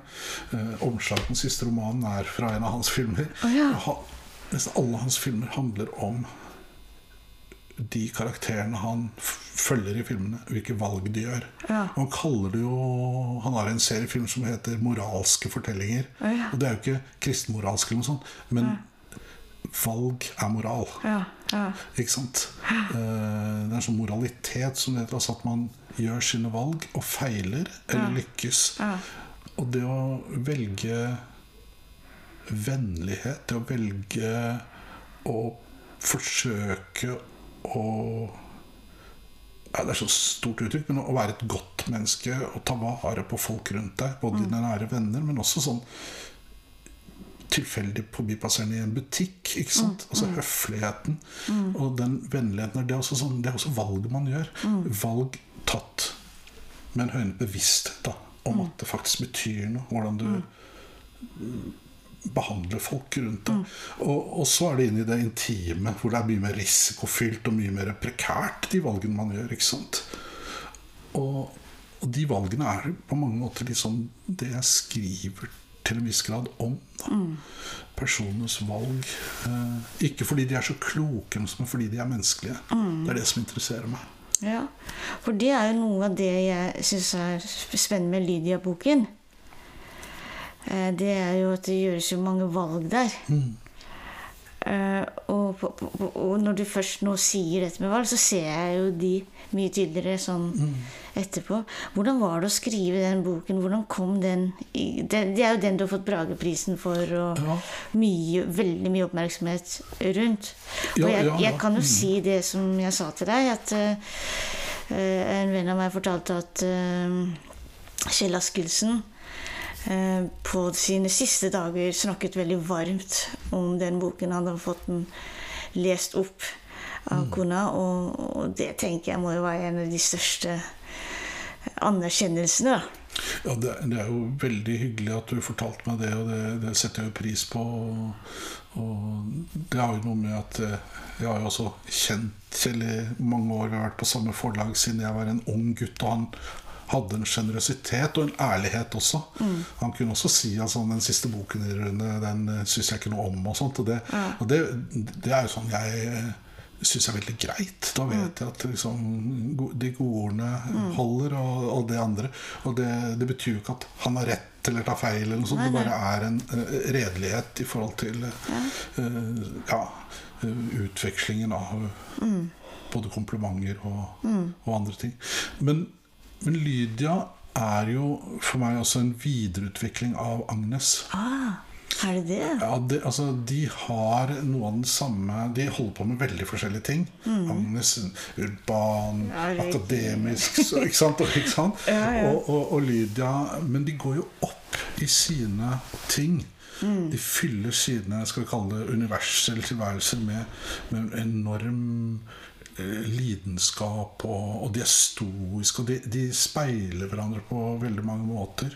Begge lever alene, de møter kjærligheten litt sånn sent, og på mange måter litt tilfeldig. Uh, og, og de løper liksom ikke etter kjærligheten, altså. Nei, de gjør Den ikke får det. komme til de. Ja. Uh, og de er oppslukt av det de holder på med. Så som kvinneportretter, eller portretter av, av to personer, så, så er de nok Jeg hadde nok lyst til å prøve ut noen sider ved Agnes, ergo også ved meg selv, ja. satt i en større grad av liksom, fy, et større grad av fysisk arbeid. ja. Og, og, og veterinæryrket er jo beinhardt. ja. Selvmordsstatistikken er høy. Altså, og, Det visste jeg ikke. og de jobber mye, tjener ganske dårlig. Og i motsetning til uh, leger på sykehus og i det hele tatt, altså, som jobber med mennesker, så er det sånn De må jo faktisk avlive en del av skal vi kalle det pasientene sine. Mm. Det betyr altså De står ofte i en situasjon hvor, eh, hvor det er barn som har kjæledyret sitt, og så må du avlive altså, Skjønner du? Det er, eh, det er, er tøffe tak. Og så er det også sånne dyretragedier på store gårder på Ja, bygda. ja, ja. Altså, her står disse veterinærene oppi det. Det er ganske sånn uh, Det er et av de virkelig harde yrkene. Um, og det å ta inn eh, Lydia, en relativt ung kvinne, altså, med, med en veldig sterk utdanning og anerkjennelse der hun har vært, og en stor lidenskap for å jobbe og bakse med dyr, ikke sant, å være i det fysiske, det var noe nytt for meg å, å skrive fram i forhold til Agnes, da, som Ja, er eh, akademisk og Ja. som kan sitte oppe i Alpene med en mentolsigarett Ja, og, og tenke over Mens andre Lydia ting. ser nedover seg selv. Ja, ja, ikke sant? Og, og Ja. ser overhallen, og ser de skitne støvlene. Og, Ja. Og der fikk hun eh, Der brast ribbeina, og der Mm. eh, Ikke sant? Altså, Det er jo også sånne tøffe tak. Det bare blir tråkka på en ku, ikke sant? Mm. Altså, det er eh, det, er- det er liksom å stå i møkk og stå i Ja, ja, og, og- og det er på liv og død. og- lukter og alt det der. Og det var for meg utrolig fint å skrive. Jeg brukte jo fem år på den romanen. da. Eh, og det var nok også en bok hvor jeg holdt en større grad av mm, Jeg holdt det litterære referansene langt unna. Okay.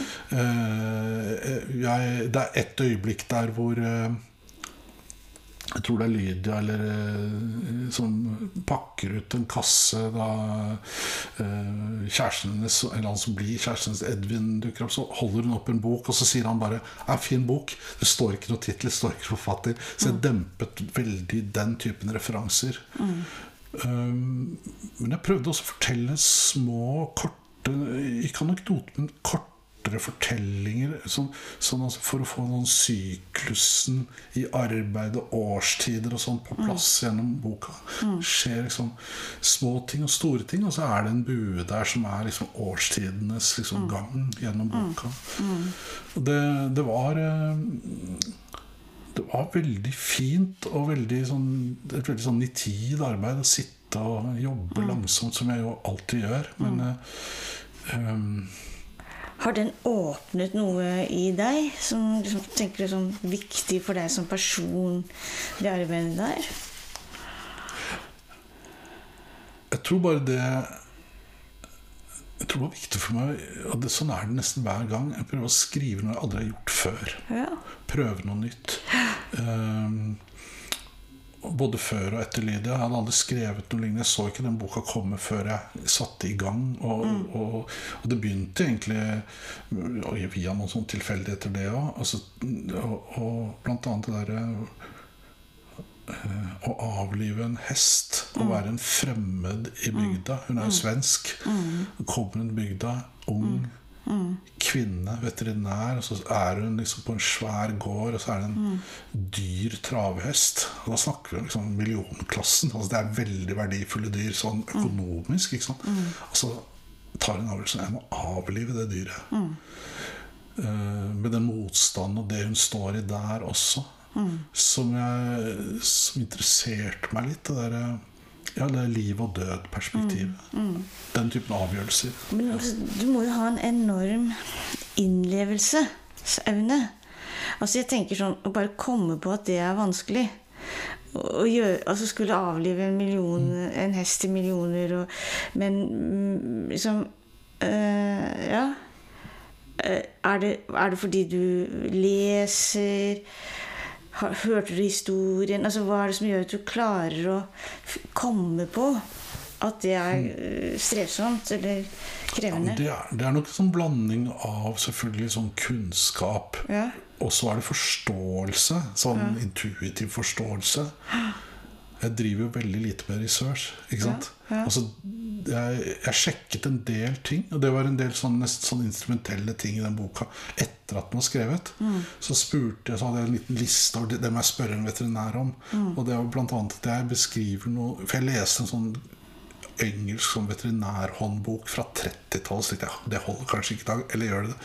Og så spurte jeg en veterinær om det, og, og da fikk jeg bare beskjed sånn Ja, sånn er det i dag òg. Det er litt mer moderne utstyr og sånn, men det er veldig mye av de samme tingene. Det er litt sånn snekkervirksomhet også, ikke sant.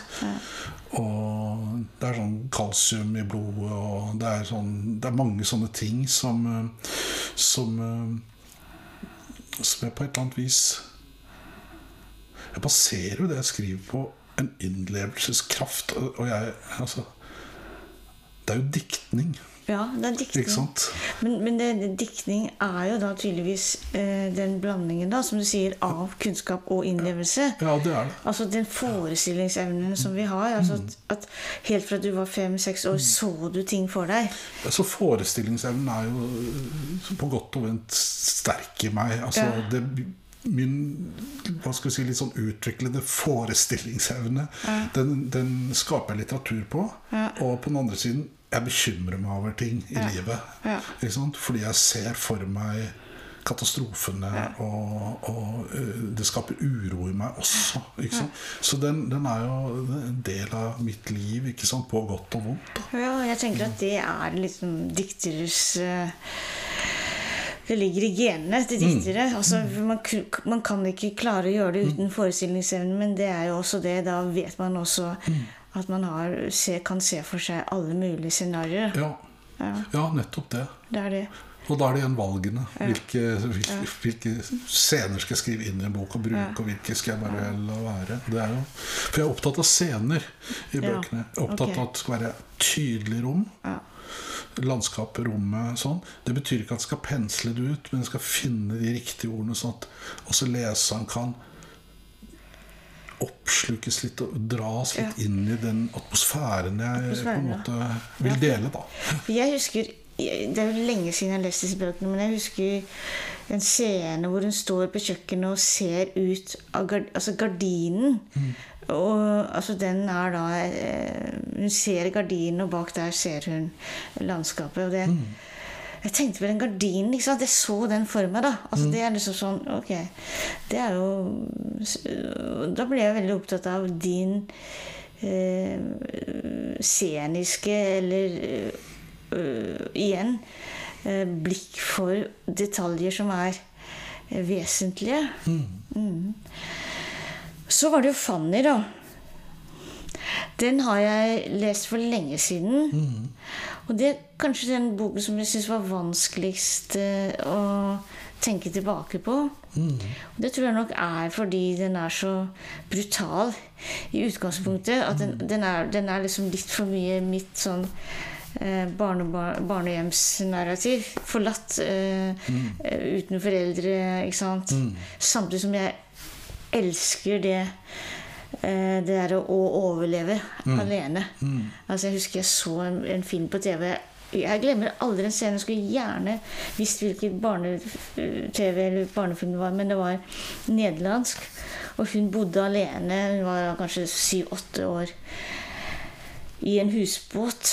Og hvordan hun vasket klærne og, og i, i vannet og holdt på og hang opp og liksom Altså, det var altså bare jeg, Det samme som litt sånn uh, Heidi. Altså hvis du husker Ja. Heidi fra Ja. Altså disse jentene, da, som overlever. Mm. Litt sånn, ja. Så sånn sett var det jo det, men det var veldig mørkt.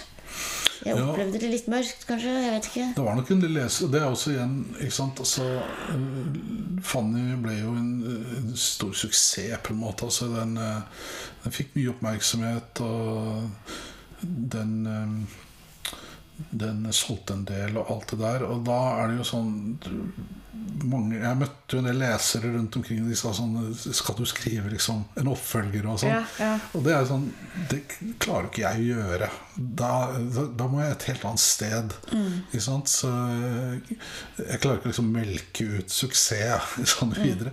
Så da skrev jeg 'Fanny', som jo er en mye mørkere og vanskeligere bok. Og den var viktig for meg. Jeg brukte, Det var sånn tre års arbeid, og det hadde med mitt eget liv å gjøre også. At jeg måtte finne Ja, for slags gyldig fortelling eh, som, som dreide seg om en måte å bearbeide ting i mitt eget liv. Og sånn er det jo ofte. eh, nesten alltid det jeg skriver. Det, er, det springer ut av mitt eget. Men jeg holder meg unna det å skrive selvbiografisk. Mm. så jeg må finne Jeg må bruke liksom diktningen til å ja, bruke diktningen Ja. aktivt. Ja. og Fanny er jo også en sånn karakter som Det er masse meg i henne. Mye i min oppvekst og mye annet også i, fra mitt voksenliv. Men det, det, er en, det er en person jeg skrev fram med en enorm eh, empati og en enorm følelse for henne. Jeg syns det er eh, utrolig interessant person å forfølge. Og jeg så ikke den boka komme før jeg var i gang. Altså Det var Nei. bare sånn nå, nå ser jeg en scene, og hun er 19 år, det er jente. Det skal jeg gjøre. Men, men, men det er mer en sånn Er det mer eh, e, evig, e, noe mer, mer mytisk? Ja, helt klart. Ja. Og et av springbrettene inn i den romanen var jo uh, et norsk folkeeventyr, altså en Ja. rettferdig tolvskilling. Ja. Eh, hvor det er en gutt. Og det er et veldig uvanlig folkeeventyr. Fordi det er jo uh, Det er jo For det første, hovedpersonen, gutten, blir hjemme. Det er ikke han som legger ut på eventyr. Det er ikke Askeladden. Det er helt motsatt. Og så reiser jo uh, en sånn sjøkaptein til forskjellige steder. Så du følger båten. Ja. Um, så at vi er liksom Der Askeladden er hjemme. Ja. Og så får vi høre hva som skjer der ute. og så, men så tok jeg det grepet at jeg byttet om. Jeg lot det være en jente og ikke en gutt. Og så, så bare se, hva, hva skjer da? Hva skjer hvis Askeladden ja, ja, ikke ikke, er en gutt, f.eks.? ja, det er jo, ja, det er jo veldig interessant, da. Ja. Så da, da ble det litt sånn Jeg leker meg jo litt med det utover der. Sånn, hva hvis Orfeus het Orfea og Ja. Orfelia og sånn? Altså, hva hvis man eh, ikke, ikke bytter kjønn for moro skyld, men, men rett og slett ser litt på Hva endres? Hva er man nødt til å endre? Og, og jeg, jeg, jeg er jo veldig interessert i også blandingen av realisme og det mytiske. Og særlig sånne klassiske myter. Da. Her, er det jo, her er det jo Orfeus Auredike, på en måte. Altså hun, Ja. min hovedperson Fanny eh, ved en sånn tragisk hendelse langt ute i boka, så slår hun hodet, og så havner hun på sykehus. Og så begynner hun å fantasere på det sykehuset. Og da det, var, det brukte jeg ekstremt lang tid på å skrive fram. Og det er den blandingen at hun går rundt i sykehuskorridorene, helt realistisk. Det er nåtidsplanet, eller det reelle, planet. Samtidig så fantaserer hun at hun går rundt i en skog og leter etter denne døde. Ja.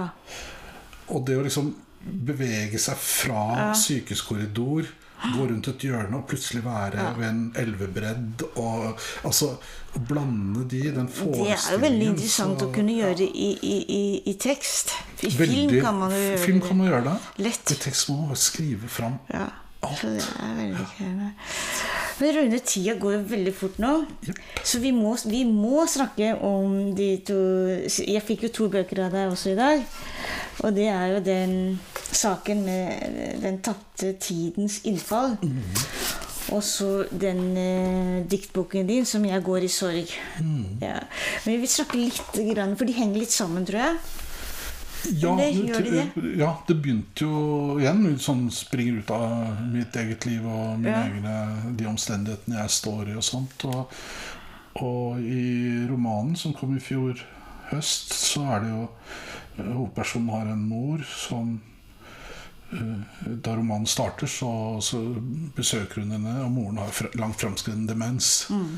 Men jeg var veldig sikker på at jeg skulle tematisere det. Jeg ville bare gjøre det til liksom, Det er morens skjebne, og så er det faren og, og Norma, som hovedpersonen heter, deres møte på denne øya. Så, så det Men det er Det- veldig nydelig eh, der i det drivhuset, da. Ja, det er, eh, det Der- er også sånn ja, de det er jo eh, så nydelige at Ja. Jo, takk skal du ha. Ja. Altså, det var jo sånn bare wow. ikke sant? Altså, hvordan du beskriver Hvordan Norma ser sin mor Mm. inn i, i det at hun skal vanne med denne Fanta-flasken. Ja. og- ja. Eller hva det er. Ja, Ja. det er sånn sitronbrus, Sitronbrus, ja. eh, ja. potteplantene. Men også hvordan det derre ømme blikket da, som Ja. nordmenn har på, på nettopp den eh, dette fraværet som, som moren da Mm. begynner å repressere, som veldig mange kan bli veldig utålmodig Ja. over, så er det en sånn ro over den scenen. Jeg vet ikke om du husker hvor den er, men det kunne vært morsomt hvis du kunne lese den, men du husker du hvor den er? I boken? Hvilke scener var det du sa? Nei, det er ganske tidlig. De er i drivhuset. ja, det, er- det er helt i begynnelsen. Ja. Ja. Vil du lese Jeg, jeg kan, det lille jeg ja? Se om du finner det. Vet du, Vi gjør det jo bare spontant her. Ja. Jeg, jeg bare leser litt, og så regner jeg med at det er, det, det er Ja, ja, det er helt i er, det er helt i, i begynnelsen av, Mm. av boken, første kapittel. Det var på den tiden da morens bevissthet begynte å svinne hen. Norma kunne se det så tydelig. En skjev sørgmodighet hadde kommet til syne i ansiktet hennes, og stumt og klosset trakk hun seg unna hver gang hun ikke maktet annet enn å famle etter ordene. Det var et langsomt og kravløst forfall. Slik forlot moren verden, slik forlot moren seg selv. Men hva var det hun forsøkte å si der hun sto i drivhuset med en flaske sitronbrus som hun ville vanne potteplantene med? Kullsyre skulle visstnok være bra for vekstene og for de tynne, sammenfiltrede røttene. Moren mumlet noe om at hun ikke lenger var i stand til å gjøre det ethvert skolebarn mestret i blinde. Dessuten luktet møblene i huset av et eller annet søtlig poleringsmiddel, og det fikk hun så infernalsk vondt i hodet av. Hun så på Norma med et av disse uutgrunnelige smilene. Men jeg har det godt, sa hun. Det skulle Norma vite. Og hun husket det vesentligste. Hun sa navnet sitt, Edith. Hun lyttet til navnet sitt. Jeg har aldri brydd meg om å være veloppdragen, sa hun. Jeg er sentimental og overspent nå, muligens hysterisk, i alle fall ikke helt tilregnelig, men jeg liker tanken på at jeg skal være slik til jeg blir borte. Og hun ble borte. Omsider krysset hun over til den andre siden. I et av de klare, men flyktige øyeblikkene før hun døde, sa hun at det å nærme seg slutten var som å stikke tærne i et tjern for å sjekke temperaturen og brått trekke foten til seg fordi vannet var så kaldt. ja, det er akkurat det. Det er en fantastisk Fantastisk eh, eh, innlevelse og blikk. Altså, det er, det, det er så gjenkjennelig, da. Jeg kjenner det igjen eh, um, den, den sørgmodigheten, dette, dette ønsket om å mestre og, og vite at du glipper. Mm. Ja. Altså det, det er jo sånn jeg husker farmoren min. Altså Ja. Hele tiden liksom på, men, og samtidig ha dette metablikket og, og, og Ja. Og det er kanskje såreste tiden i en demensutvikling er nok øh, den perioden hvor bevisstheten også er der og kan registrere ens egen øh, glipper, på en Ja. måte. Ja. Fordi etter hvert så glir man jo inn i noe hvor, hvor, hvor, den bevisstheten er borte. Ja. ikke sant? Og da får du en slags hvile. Da forhåpentligvis. Ja, forhåpentligvis. Mm, ja. Mm, mm. Og, og, og du har jo skrevet da den Og den kommer veldig raskt etterpå 'Jeg går i sorg'. Det er sånn, det er sånn nydelig fotografi. Er det av moren din? Det er moren min, ja. Ja. Mm, på Og hun heter Hun het, heter Elin Kristiansen. ja, Og Elin. født Elin Grønner fra Bergen. Ja. Men eh, nei, det var en bok jeg egentlig som oppsto eh, si, i søvne. Altså den eh, Det hørtes veldig mytologiserende ut, men jeg, jeg, jeg, våknet om natten en periode i, i fjor eh, rundt sånn juli-august, og så var det sånn veldig presente setninger og, og noen små formuleringer. Og jeg aldri brydd meg så veldig om å passe på å notere ting, men det ble for meg at jeg begynte å notere enten sånn at jeg hadde tvert papir og blyant eh, på nattbordet, eller at jeg bare eh, skrev det inn på mobilen, sendte melding til meg selv, eller et eller annet sånt. Og det, det skjedde så hyppig at jeg at jeg i løpet av tre måneder eller noe sånt, også sånn ute i september, så hadde jeg ganske mye. Og det var bare notater. Men da, eh, fordi jeg er som jeg er, så begynte jeg da å bearbeide de litt langsomt, og samtidig kom det nye ting til. Og så så, så det jo ut som dikt, en del av det. Hva nå det betyr. Eh, Men jeg prøvde, og jeg bestemte meg for at jeg skal ikke jobbe lenge med det. Nei. Jeg eh, tar det med til redaktøren min eh, og lar henne se på det. Og det var som alltid utrolig fin eh, dialog vi fikk på det av kommunikasjon. Og meldingene hennes var veldig gode og ordentlige. Og så, og så ville jeg allikevel beholde noe av liksom, notatet som sjanger.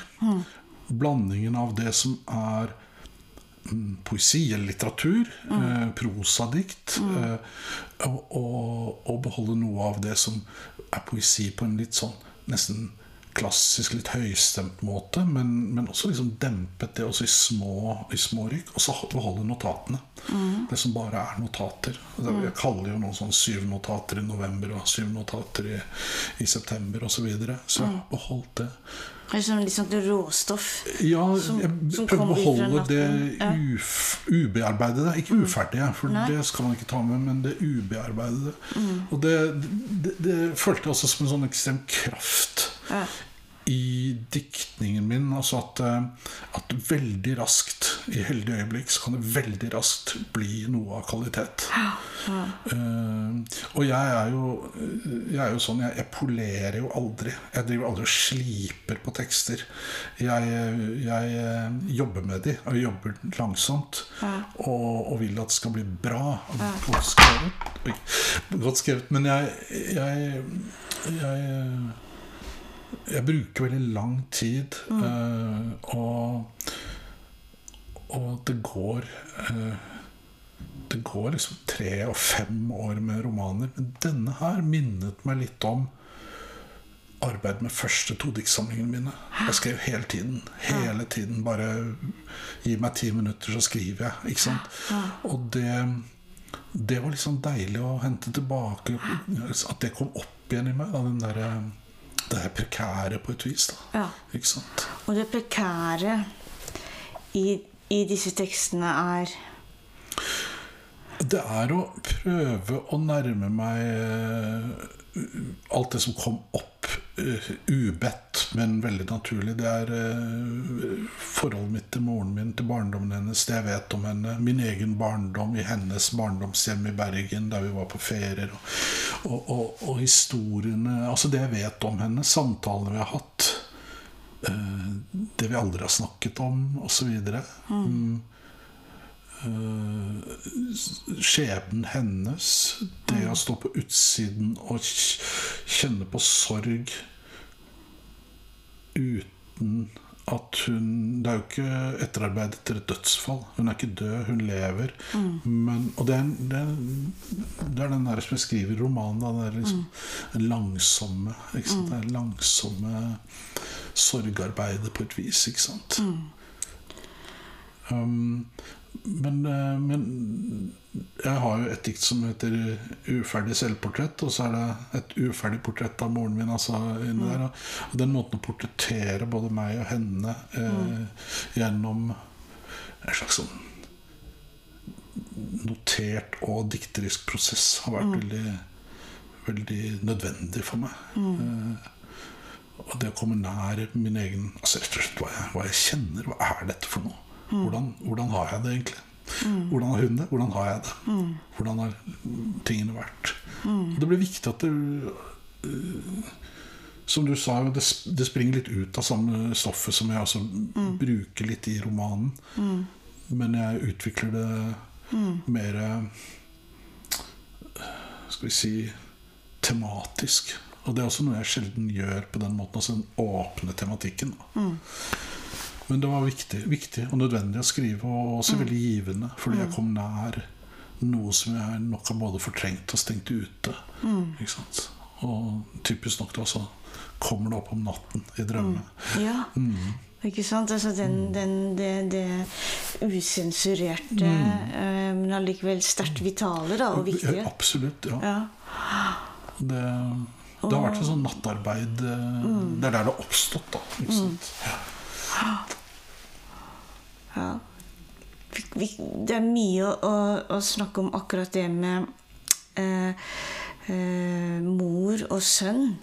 Ikke sant? Det er jo et sånt tema. Og jeg, eh, du, du var så vidt inne på det i sted da vi snakket før podkasten. Vi har jo spist kveldsmat. Og, og dette med at hun var kristen. Mm. På hvilken måte var hun kristen, tenker du? Eh, på en måte som i hvert fall var veldig tiltalende for meg. Og hun eh, Jeg vet at jeg var på det som het søndagsskole én gang, og det klarte ikke jeg å være på, for jeg klarte ikke å holde kjeft, jeg klarte ikke å sitte i ro. Så da var det ikke noe sånn at det måtte jeg, nå måtte jeg skjerpe meg, nå må jeg ta meg sammen og gjøre det. Da var, da var det ferdig med det, var helt greit. Men moren min var sånn at eh, det er ikke vits å snakke om tro for mye, hun var liksom det motsatte av misjonerende. Ja. Hun var eh, Hun trodde på Gud innenfor rammen av en sånn omtrentlig kristendom. Sånn norsk statskirkekristendom. Men hun hadde liksom en sånn Igjen dette stoiske, rolige, avslappa forhold til det. Og for henne en sånn veldig nøktern person. Eh, rolig, ja. Veldig stoisk. ikke sant? Taklet mye i sitt liv med en veldig ro og aldri noe sånn Aldri noe klage, aldri noe Aldri noe mas med henne. Og den roen hun hadde i forhold til det, har vært veldig sånn tiltalende for meg. Um, og hvis jeg har en eller annen type barnetro, så forlot jeg den eh, under konfirmasjonen. Jeg har også skrevet om den romanen du sa, eller den fravær av musikk, så skriver jeg om akkurat den der eh, oblatet på tunga og, sånn. Og så brakk jeg meg. Ja. Jeg fikk det i halsen og bare spydde det opp, nesten symbolsk, og det skriver jeg om i den boka. Sånn, så forlot jeg dette som kalles liksom barnetro. Men jeg, jeg har nok mm, Jeg har nok både behov for, og delvis også fordi at jeg er liksom, hva skal jeg si, på sporet av en type gudstro som har vært veldig avgjørende for meg. Og den har oppstått i mitt voksne liv. Og den, den den er nok litt sånn relatert til det jeg har lært av henne.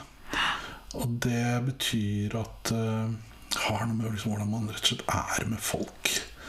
Etikken. Og det er noe håpefullt i den. Jeg aner, jeg har ingen sånn bilde av Gud. Jeg har ikke noe bilde av Gud Jeg har ikke noe sånn sterkt forhold til kirken. Men jeg har jo vokst opp i noe som en sånn kombinasjon som har vært bra for meg, og som jeg er takknemlig for. Jeg har vokst opp i et sosialdemokrati. Eh, Med, sånn i utgangspunktet med på mange måter stor likhet og, og trygghet for de sosiale rammene og de som faller utenfor. Altså sosialdemokratiets liksom, styrke. Og noe av det som ligger i sånn skjæringspunkt mellom, eh, mellom liksom, den kristne kulturarven og en sånn humanisme. Da mener jeg ikke humanetikk, men humanisme. Kristendommens humanistiske utvikling på et vis. da Uh, Og det går på filosofi også. Men jeg har ingen bilde av Gud. Jeg aner ikke om Jeg tror Jeg klarer ikke å tro på en Gud. Jeg klarer ikke å tro på det. Men jeg håper at det fins en gud. For jeg er så pessimistisk på menneskets vegne. På verdens vegne. Vi, vi, vi håndterer ikke å være i det store globale fellesskapet, liksom. Vi, vi, vi kriger mot hverandre og slåss, og vi er i sandkassa. Og, og, og vi holder til og med på å ødelegge sandkassa, hvis du skjønner. Eh, litt sånn satt på spissen. her, Sånn, og da er det sånn Den håpefullheten som ligger i en annen slags sånn jeg husker den store forfatteren William Golding, som skrev 'Fluenes herre', annet, som er aktuell som bare fy. Mm. han sa et litt sånn nesten kryptisk, men det slo meg tidlig 80-tall. Da fikk han Nobelprisen. Han sa et eller annet sånt Jeg er, jeg er universell pessimist, men kosmisk optimist. Ja, og jeg måtte tenke, hva betyr det? Og den tanken på hva det betyr, Ja. hva mente han? Den interesserer meg. Ja. Og det betyr på et eller annet vis kanskje at liksom bak alt så fins det en mening og en hensikt og En håpefullhet. ja, en håpefullhet. Ja. Og det er den kosmiske Det er det, det, er det nærmeste Ja. Vi kommer. Universet er på en måte det fysiske. Ja. Det er galaksen og Ja, kloden og planeten. Ja, men det kosmiske er liksom noe større. Det, ble, noe, det ble det veldig sånn stort. Jo, men altså, det, det, det, men, det er jo eh, veldig mm. i, gir mening. Og så litt da tilbake til eh, det å skrive den diktsamlingen 'Jeg går i sorg'. Mm. Det er veldig, jeg syns en veldig sånn nydelig tittel. Takk skal du ha. Ja. Ja, ja, den er sånn Ja. Ehm, eh, fordi det er da nettopp sorg som Litt sånn som vi snakket om i sted, uavklart sorg. Mm, ja. Altså det er en tilstand mer enn noe som man har akutt, eller noe man skal Mm. bli ferdig med fort. Eller, eller det å for, det, er jo det jeg er eh, eh, eh, litt sånn nysgjerrig på. Det er jo? Det du jobber med, det du jobber med språk og ord og minner og, og forestillinger, scener. Ikke sant? Du, du jobber Du, du, du um, Hva skal jeg si Fiksjonaliserer univers. Eh, og, og veldig spennende univers. Mer eh, relasjonell både ensomhet og tilhørighet, da, tenker jeg. Eh, og så er det sånn å skrive så nært om noe som kanskje er så sårt. Eh, har det vært annerledes enn en andre ting du holder på med? Ja, det har jo vært mye mer eh, konkret rettet mot en person som faktisk har eksistert i mitt liv, og eksisterer i mitt liv, og, og dermed også mye nærmere mitt eget. Så, så den er jo mye mer åpent jeg vil, jeg vil nesten kalle det en selvbiografisk diktsamling. Den er ikke fyllestgjørende biografisk. Det er ikke liksom 500 sider om livet mitt, men det er de rissene og, og det som kretser rundt akkurat dette materialet, skrevet fram i dette gitte tidspunktet. Så, så det har vært annerledes. Men alt jeg skriver, også denne siste romanen, den er jo eh, det er jo på kloss hold. Det er jo, det er jo livsanskuelser som er eh, mine, og som jeg står for, og som jeg, som jeg er dypt engasjert i å finne ut av. Se, avlese. F.eks. For forsoning. Ja. Eh, hvordan, skal, hvordan skal vi overleve re- relasjoner? Ufullkomne relasjoner. Da. Det, er det er lenge siden jeg har lest den også, men fikk en sånn fornemmelse av at det var en sånn livsanskuelse. Ja, jeg, jeg vet det i noen deler av liksom, eh, mottagelsen av eh, noen av bøkene mine. Eh, ikke overalt, men i noen deler så har det vært sånn at mm, at jeg jobber med en type harmonisering og forsoning. Og det, det, det er ganske svakt lest, faktisk. Også.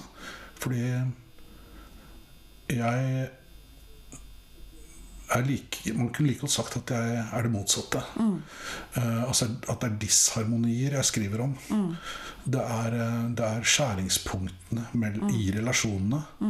Far, sønn, far, datter. Det, er der det, det er der det skurrer. Det er der det er grus i maskineriet. Det er det som er opptatt av. Og det forsonende i mine bøker er også litt sånn eh, Det er ofte sånn litteraturviteres autopilot. Når den skrus på, så, så forplanter det seg gjerne. Når én sier det, og så blir det liksom en del av uh, persepsjonen, på en måte. Men, uh, men det, er jo, det er jo Jeg vet f.eks. den siste romanen, eller, eller, uh, eller Fanny-romanen. Det forsonende elementet der er jo da, er det ganske, da, da tvinger man det inn i det begrepet, fordi det er, like, det er like mye det motsatte. Men, men kan, kan, du si kan du være med på at det er forsøk på forsoning, da?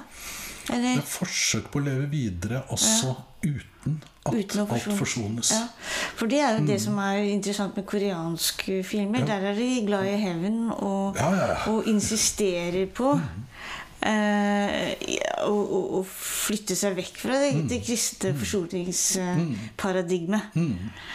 Uh, her skal man stå for det man ikke har fått til, og, og så videre. Ja. Og det ligger jo litt i asiatisk film, i tatt, også ikke minst japansk film. Ja. Eh, og ikke minst da den store, liksom, hva skal vi kalle det, klassiske eh, Kalle actionfilmskaperen, Kurosawa. Ja.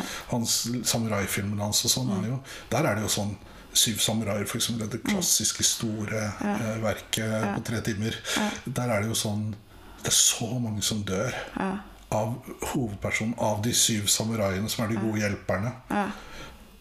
Ja. Der er det et forsøk på å forsone seg med dette. Og de sier sånn Se, her, vi er bare, det er bare oss igjen av de syv. Men bøndene de lever sitt evige liv. Der bare går det videre. De dyrker jorda. Ja, altså de, de hjelper. Og det er en sånn forsoning som er nesten sånn um, mm, By proxy, på en måte. Mm. Vi, vi forsoner oss med at de andre går videre. Vi er uh, ja, det er Her er det stort mannefall. Men, men da bare for å spørre litt eh, personlig nå, før du kanskje vil lese litt. Eh, tenker du at det for deg er viktig å forsone deg f.eks. med moren din sin demens, eller tenker du bare at du er til stede i det og, og må tåle det eller leve med det, eller eh, Altså eh, for det, det jeg tenker, da, hvis jeg skal bare snu det litt, er sånn at jeg tenker at eh, På mange måter har jeg tenkt at den verste skjebnen for meg, det er å bli dement.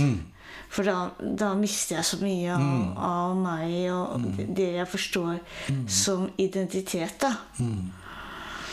Og jeg, jeg har jo noen i slekta, kanskje i familien nå, som begynner nå å glippe. Og så tenker jeg Det har noe med liksom, skal jeg, hva, hvordan, skal jeg, hvordan skal jeg være der? Hva skal jeg føle? Hva, hva føler jeg? Hva skal jeg føle? Ja, hva skal jeg tenke om det? Jeg, jeg, det er igjen dette som jeg sannsynligvis på et eller annet vis har litt sånn arvet etter moren min, da, og som jeg også da har brukt som et begrep i forhold til disse kvinnelige hovedpersonene mine. Og det er det stoiske. Altså, Historiske. Ja, det, som, som en slags filosofisk tradisjon, eller sånn livstradisjon også. Ja, ikke sant? Altså stoikernes, liksom. eh, og den kunne jo være arte seg veldig ekstremt, selvfølgelig, men det stoiske sånn vi forstår det i moderne tid, da, i dagligtalen, på en måte, er jo nettopp liksom Jeg tenker at jeg heller enn å bruke ordet 'forsone meg', Ja. så er det å akseptere. Ja. Eh, altså Å forsone seg med ting betyr jo egentlig at man liksom faller litt til ro. Eh, hvis man skulle liksom dratt et synonym, da, så var det litt sånn å falle til ro med, med tilstandene. Og jeg tror nok det bare er sånn at eh, i den fortvilede tilstanden, eller fortvilede tilværelsen, å se en person man er knytta til, eh, også den, persons, den viktige persons identitet slettes ut dag for dag, uke. Ikke sant? Blir bare borte. Og som jeg også skriver her, og som jeg erfarer også, det er at uh, den personen som er så viktig, kjenner deg ikke lenger igjen. Du må si 'jeg er sønnen'. Altså er konseptet sønn også litt viska ut. Hun bare som jeg pleier å si, hun jukser litt og sier 'Å ja, ja, selvfølgelig'. Men heldigvis så virker det som hun har det fint. Hun er veldig mye glad. Hun liker eh, å ha besøk. Og hun, eh, hun har alltid vært også glad når besøket går. Mm. Men som hun har sagt til meg noen ganger, og også hos andre i familien, søsknene mine, sånn, så, eh, nå kan dere gå. Og så på vei ut døren så eh, roper hun og sier sånn eh, må, må gjerne komme snart igjen. Ikke sant? For hun liker å ha besøk, og så liker hun alltid vært også sånn, liker å være alene også. Men og det å akseptere noe er mer Det ligger jo også litt mot å resignere overfor noe.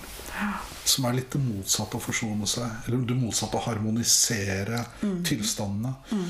Så at, eh, det er jo ikke noe jeg får gjort med dette. Ja. Jeg må leve med det. Ja. Og det å leve med sorger og savn og smerte og alt det der, det, det har jeg nok forsont meg med i det store perspektivet i livet mitt. Ja. Altså, det Altså, jeg har opplevd relativt mange dødsfall, nære venner, fire besteforeldre i løpet av kort tid. Mm. Uh, ja, altså, ja, ikke sant? Altså, jeg har opplevd ganske mye sånn både nært og, og, og et ufødt barn i sjette måned og sånne ting. Som, så, så den sorgprosessen har vært ganske pågående i livet. Da. Og det det kan man si at man forsoner seg med, men det er mer sånn at det, det, er, ikke noe, det er ikke noe jeg får gjort noe med. Men jeg kan, jeg kan Avklares, kan det være et ja, ord? ja, avklare det, akseptere det, Ja. men også prøve å nærme meg det, og nærme meg mine egne følelser og mine egne reaksjoner på det gjennom litteraturen. Både det jeg leser, men ikke minst det jeg skriver fram. Så det er, det er på en måte Det er grunnsubstansen på en måte i nesten alle bøkene mine tapsprosesser og sånt, og prøve å liksom komme videre, gå videre, bruke det, eh, eh, forstå det. Eh, ja. Vil du lese litt eh, avslutningsvis? Jeg kan lese det siste altså diktet som står på baksiden. er det siste dikt som kom til. Og det, det var også sånn eh, Som det står også eh, som tittel etter å ha lest Gerard Manley Hopkins' dikt 'The Leaden Echo and the Golden Echo', eh, som er kanskje det fineste diktet jeg vet om i verden. Ja. Så det kan man oppsøke hvis man vil. Det har jeg ikke lest, men det skal jeg også. Um, og det diktet skrev jeg relativt raskt eh, på et hotellrom i Saint Nazaire nå i, sist høst i Frankrike. Og det var også sånn der, Istedenfor å ha en sånn baksidetekst som forklarer ting, så, så vil jeg ha et, et dikt der også som står sånn selvstendig der. Ja, for, for, ja. for, før du leser det, for jeg, jeg tenker at uh, akkurat det du sier om å, å lese og skrive og forholde seg aktivt til eh, språket, utforskende til det som er livssorgene, da. Mm. Istedenfor verken å prøve å forklare de eller eller um, ja, forsone seg med de, eller hva som helst. Det aktive arbeidet foregår i tekstene som, som en sånn kontinuerlig prosess. For vi tenker jo ofte på sånn sorgprosess som sånn sorgfaser og så ferdig. Men det du sier, er jo at at du, du, du gjør dette gjennom språket som en, en egentlig som en sånn form for eh, vitalitet og en form for å være i verden på, da. Ja. Og det, det har jeg fra så tidlig, bare ved å liksom eh, Noe så si, naivt og barnlig som eh, da vi flyttet fra Østerås. Der jeg kom i kontakt med livet på et vis. Det var der liksom livet mitt virkelig plutselig ble bretta ut som noe sånn eh, som en sånn barndom av den største interesse for meg. Den største glede. Jeg, jeg, jeg kunne sovne på kvelden og glede meg til dagen etter. Ikke? Ja. Som ikke er noe uvanlig for barn. Men det var veldig sånn Og det rykkes løs derfra og også, også hengt ved meg. Det er en av grunnene til at jeg fortsatt reiser tilbake til Østås. Bare går turer rundt i det området. Og det er ganske Det er, det er det samme. Det er det, sånn som det var. Fordi det var et ferdig etablert eh, område. Så den, det er det der minnearbeidet, hukommelsesarbeidet, som er så berikende for meg. Ja. Jo, men altså både fordi det minnearbeidet og er et uh, sorgarbeid og et identitetsarbeid. Så. Ikke minst det siste du sier der. Nettopp det du sier der, Anne. Det med et, et identitetsarbeid. identitetsarbeid. Og man skal, man skal ikke umyndiggjøre sine egne sorger, tenker jeg. Man skal, man skal vise sorgene på en måte respekt. Ellers så rømmer man fra de, eller underkjenner eller fortrenger og alt det der. Man skal liksom la, det, la de få lov til å være der, da. Ikke sant? Eh, Og ikke pakke de inn, og ikke sentimentalisere de heller, men bare, bare dette, dette er livsarbeidet. Ja, sånn det er føler i hvert fall jeg det. Ja. Det, jeg kjenner at det er en veldig sånn vitalitet i akkurat den livsinnstillingen. Da. Mm. Ok. Ja. En kald dag om våren er hjertet endelig befridd, og døren som ble åpnet, som mor åpnet, den lukkes stille bak oss begge. Men hengslene knirker, de knirker i minnet, knirker, ja, nettopp den lyden, knirk, knirk. De lyder fortvilet, hengslene. De nekter å gi tapt for glemselen.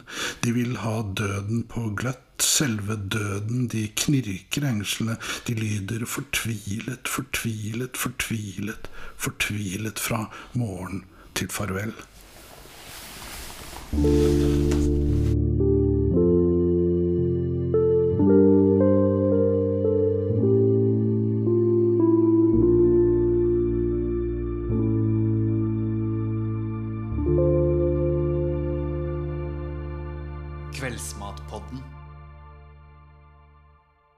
Takk for at du hørte på Kveldsmatpodden.